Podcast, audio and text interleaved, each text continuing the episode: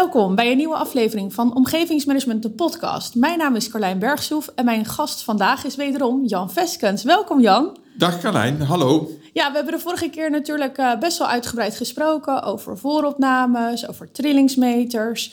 En um, nou ja, er was eigenlijk nog heel veel onontgonnen gebied. En een van de dingen waarbij ik dan denk zijn hoogtebouten de, de, de nut en de noodzaak van hoogtebouten. Zou je daar wat meer over willen vertellen? Ja, natuurlijk. Daar kan ik er wat over, over zeggen. Ehm, je moet je voorstellen wanneer een, uh, een groot infraproject wordt gebouwd, waarbij ook uh, tunnels worden aangelegd, dan moet uh, de grondwaterstand uh, worden verlaagd. Want de gemiddelde grondwaterstand uh, in, in Nederland die zit ongeveer pak een, beetje, een, meter onder het maaiveld. Wil je dus dieper gaan bouwen, dan moet je dus de grondwaterstand gaan onttrekken. Nou, hoe dat, dat moet, daar hebben de aannemers allerhande technieken voor. En eh, in een aantal gevallen, wanneer gewerkt wordt in wat we noemen een gesloten bouwkuip, heeft dat geen invloed op de omgeving. Maar in andere gevallen kan dat wel degelijk een invloed hebben op de omgeving. Uh, hoe, in hoeverre dat zich dat uitstrekt, dat is, uh, ja, hangt ook af van de, de grondwaterstroom, de diepte waarop het grondwater wordt ontrokken, et cetera. Dus daar kan ik hier zo geen, geen uitspraken over doen. Maar het is natuurlijk wel van belang dat je uh, controleert wat er, wat er in de omgeving gebeurt. Nou, in dat, uh, dat soort gevallen is het heel handig om hoogtebouten te plaatsen. Wat, wat doe je dan? In een aantal woningen in het gebied waarvan je veronderstelt dat, die, dat daar een invloed is op, als gevolg van de grondwateronttrekking, boor je, plaats je kleine boutjes onderaan de gevel. Die boutjes die meet, je, die meet je in, bij voorkeur een half jaar of een jaar voordat je aanvangt met de werkzaamheden. Die, voordat met het werk wordt begonnen, meet je die nog een keer in, dat je gewoon een zuivere nulmeting, eh, nulmeting hebt. En dan kun je, kan het werk dus starten en dan kun je dus eh, tijdens de bouwactiviteiten eh, verschillende keren die hoogteboutjes controleren.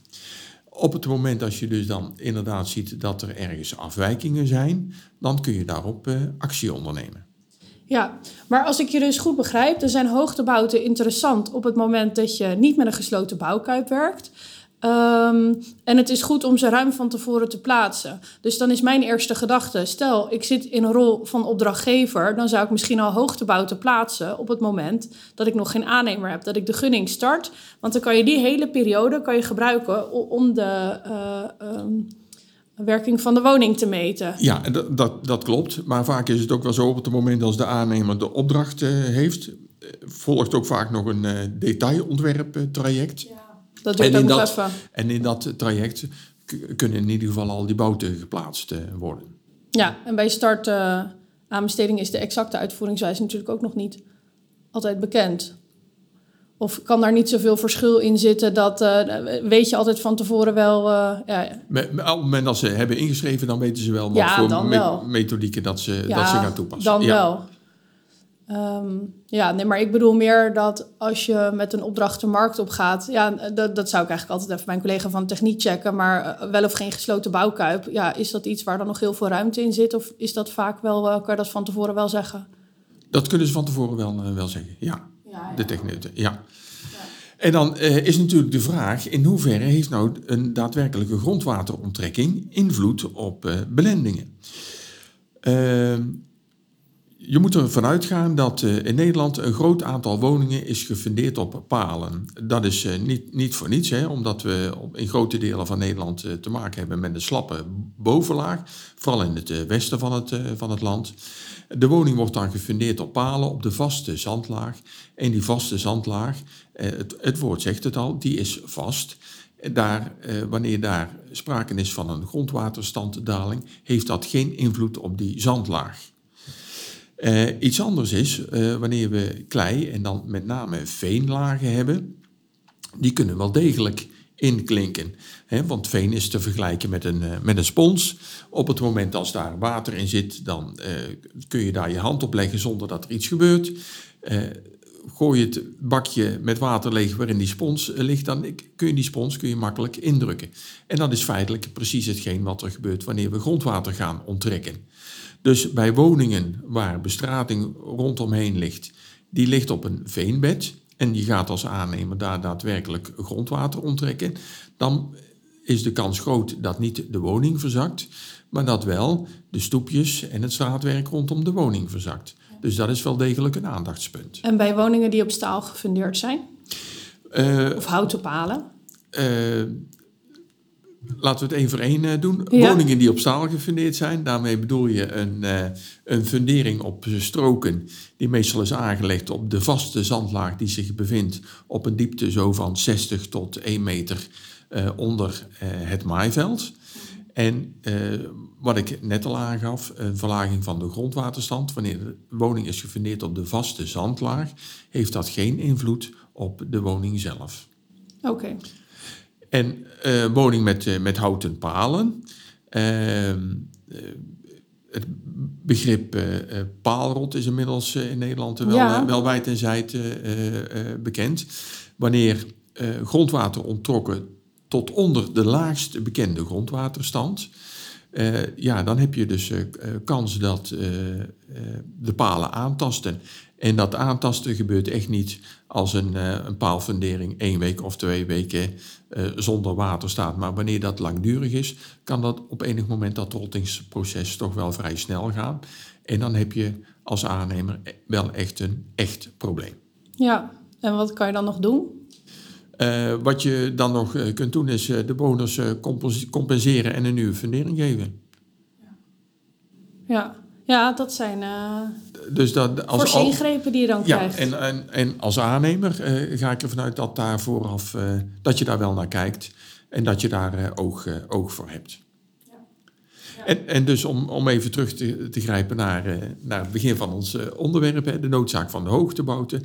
En die is nodig om te kunnen zien, is er überhaupt sprake van een, uh, van een bodemdaling?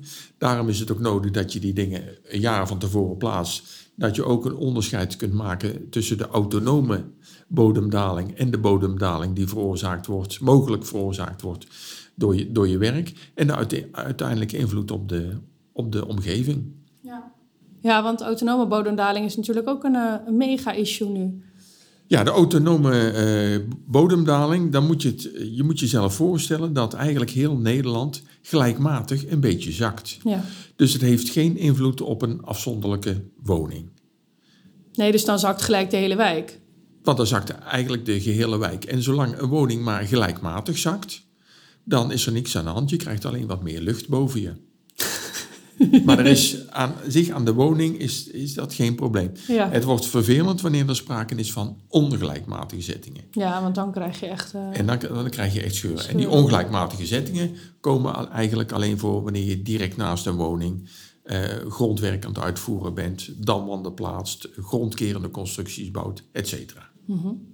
Ik zou graag, uh, ik merk dat wij heel erg hè, ons kunnen verliezen in, uh, in onderwerpen. Maar ik wil ook heel graag, en dat is een compliment, want ik vind het interessant. Maar ik wil ook heel graag even met je stilstaan nog bij het hele proces van de schadeclaim is ingediend, het werk is klaar. En hoe gaan we dan aan de slag? En hoe jij en ik tot nu toe altijd samenwerken, is dat ik met een bouwschadeformulier bij je kom. Met daarop de gegevens van de mensen. En dat ze daarop beschrijven van, goh, welke schade is er ontstaan? En ehm, en dan ga je bij de mensen langs. Zou je ons een beetje daardoorheen willen meenemen? Ja, uh, ik, ik, uh, ik krijg inderdaad de bouwschadeformulieren. Wat ik dan uh, altijd doe, ik zoek de werkvoorbereider of de uitvoerder op. En ik doe navraag welke werkzaamheden precies zijn uitgevoerd. Dat ik ook een duidelijk beeld heb van wat er eventueel gebeurd zou kunnen zijn. Vervolgens krijg ik voor jou altijd het, het vooropnamerapport. Uh, ik krijg van, uh, van de collega's uh, meestal de, de trillingsmeetgegevens. En aan de hand van die informatie breng ik een bezoek aan de bewoners. Ik luister heel goed wat ze te vertellen hebben. Ik laat mij ook door de woning rondleiden. Ik vraag ze om de gebreken aan te wijzen. En bij elk gebrek of een groep van gebreken sta ik stil en geef ik een uitleg over hetgeen wat ik, eh, wat ik aantref en wat de mogelijke oorzaak is. Uh, nou ja, in een, in een aantal gevallen uh, begrijpen mensen dat, die, die, die, die, die snappen het. In een aantal gevallen ja, is het voor, voor omwonenden toch wat, toch wat lastig als een meneer Veskes komt en die, die zegt uiteindelijk, ja, er is, er is helemaal niks aan de hand. Terwijl ze toch wel al die overlast hebben ervaren. In dat geval spreek ik met de mensen af dat ik mijn bevindingen op papier zet, uitgebreid. En compleet met de trillingsmeetgegevens en dergelijke. En dat kan dan aan de bewoners toegezonden worden. En die kunnen er dan het nog eens rustig nalezen. Die kunnen er dan nog een nachtje over slapen met of ze eventueel al dan niet vervolgstappen willen doen. En soms komen daar ook nog vragen uit. Nou goed, en dan kunnen we die, die vragen altijd, altijd nog beantwoorden. Ja, weet je wat ik ook af en toe wel eens lastig vind? Dan, dan komt er een rapport en dan, nou, eh, eh, als de claim wordt toegewezen is dat makkelijk natuurlijk, maar vaak wordt de claim afgewezen. En dan krijg ik vaak het verwijt, ja, Carlijn, maar hoe onafhankelijk is die expert nou? Want die wordt door jullie betaald. En dan denk ik altijd heel flauw, ja, wat we kunnen doen is dat we hem samen betalen. Maar uh, dat is dan ook weer niet wat de mensen willen. Ja, daar kan ik, kan ik gewoon heel, heel duidelijk over zijn. ik doe dit vak 30 jaar. En het is nu eenmaal zo, de ene keer doe ik de bewoner zeer en de andere keer mijn opdrachtgever. Want die, als ik een schade toeken en die moet die schade betalen. En je kunt dit vak alleen maar eh, lang uitoefenen op het moment als je altijd eerlijk en oprecht bent. En ik word in een aantal gevallen wel door de verzekeraar of de aannemer betaald. Maar uiteindelijk uh, zal de situatie zo zijn, en dat zeg ik vaak ook tegen de bewoners, stel dat de zaak bij de rechter terechtkomt en de rechter stelt mij volledig in het ongelijk, dan krijg ik van mijn opdrachtgever drie draaien om mijn oren en die zeggen dan tegen mij, Veskes, had je dat niet eerder kunnen vertellen, want dan waren we niet aan deze kostbare procedure begonnen. En daar hebben ze natuurlijk gelijk in. En dus iedereen heeft alleen maar baat bij een eerlijk en oprecht advies. En dat is wat ik ook geef. Ja, en ik zit er nog even te kouwen op van, goh, hoe kan ik dat dan aan de voorkant voorkomen? Ja, dus, dus dat is uh, eigenlijk alleen te voorkomen op het moment als de bewoners een rechtsbijstandverzekering hebben. Uh, als ze een beroep doen op die rechtsbijstandverzekering en ze krijgen namens die rechtsbijstandverzekering een eigen bouwkundige toegewezen. Ja, ik moet zeggen, ik heb dat nog nooit uh, te horen gekregen. Ik heb laatst zo'n claimprocedure gehad waarbij ik een claim heb afgewezen.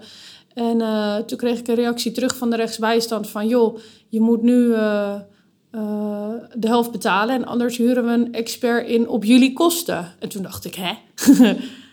dat kan natuurlijk niet. Nee, dat, nee natuurlijk, dat, dat kan natuurlijk niet. Dat is natuurlijk ook een beetje bluff van die rechtsbijstandverzekeraar. ja.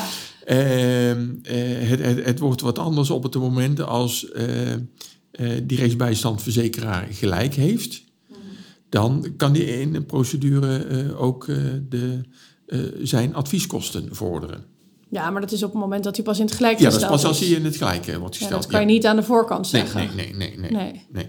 Een, een alter, andere alternatief is wanneer een, op voorhand een rechtsbijstandverzekeraar wordt, wordt ingeschakeld. Mm -hmm. is dat, dus voordat jij komt? Of voordat ja, voor, ja, voordat ik ja, kom. Ja. Als, op het moment dat je de schadeclaim binnen krijgt uh, is dat je dan met die uh, rechtsbijstandverzekeraar uh, afspreekt van laten we gezamenlijk de vraagstelling formuleren en laten we gezamenlijk een deskundige aanwijzen die we allebei voor de helft betalen of we spreken af degene die in het ongelijk wordt gesteld, wordt betaald.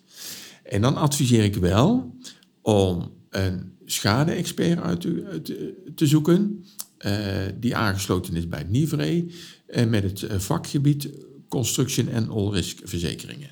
Die dus kennis en kunde heeft van dit soort schadeclaims. Ja, nou, dat lijkt me een goede tip.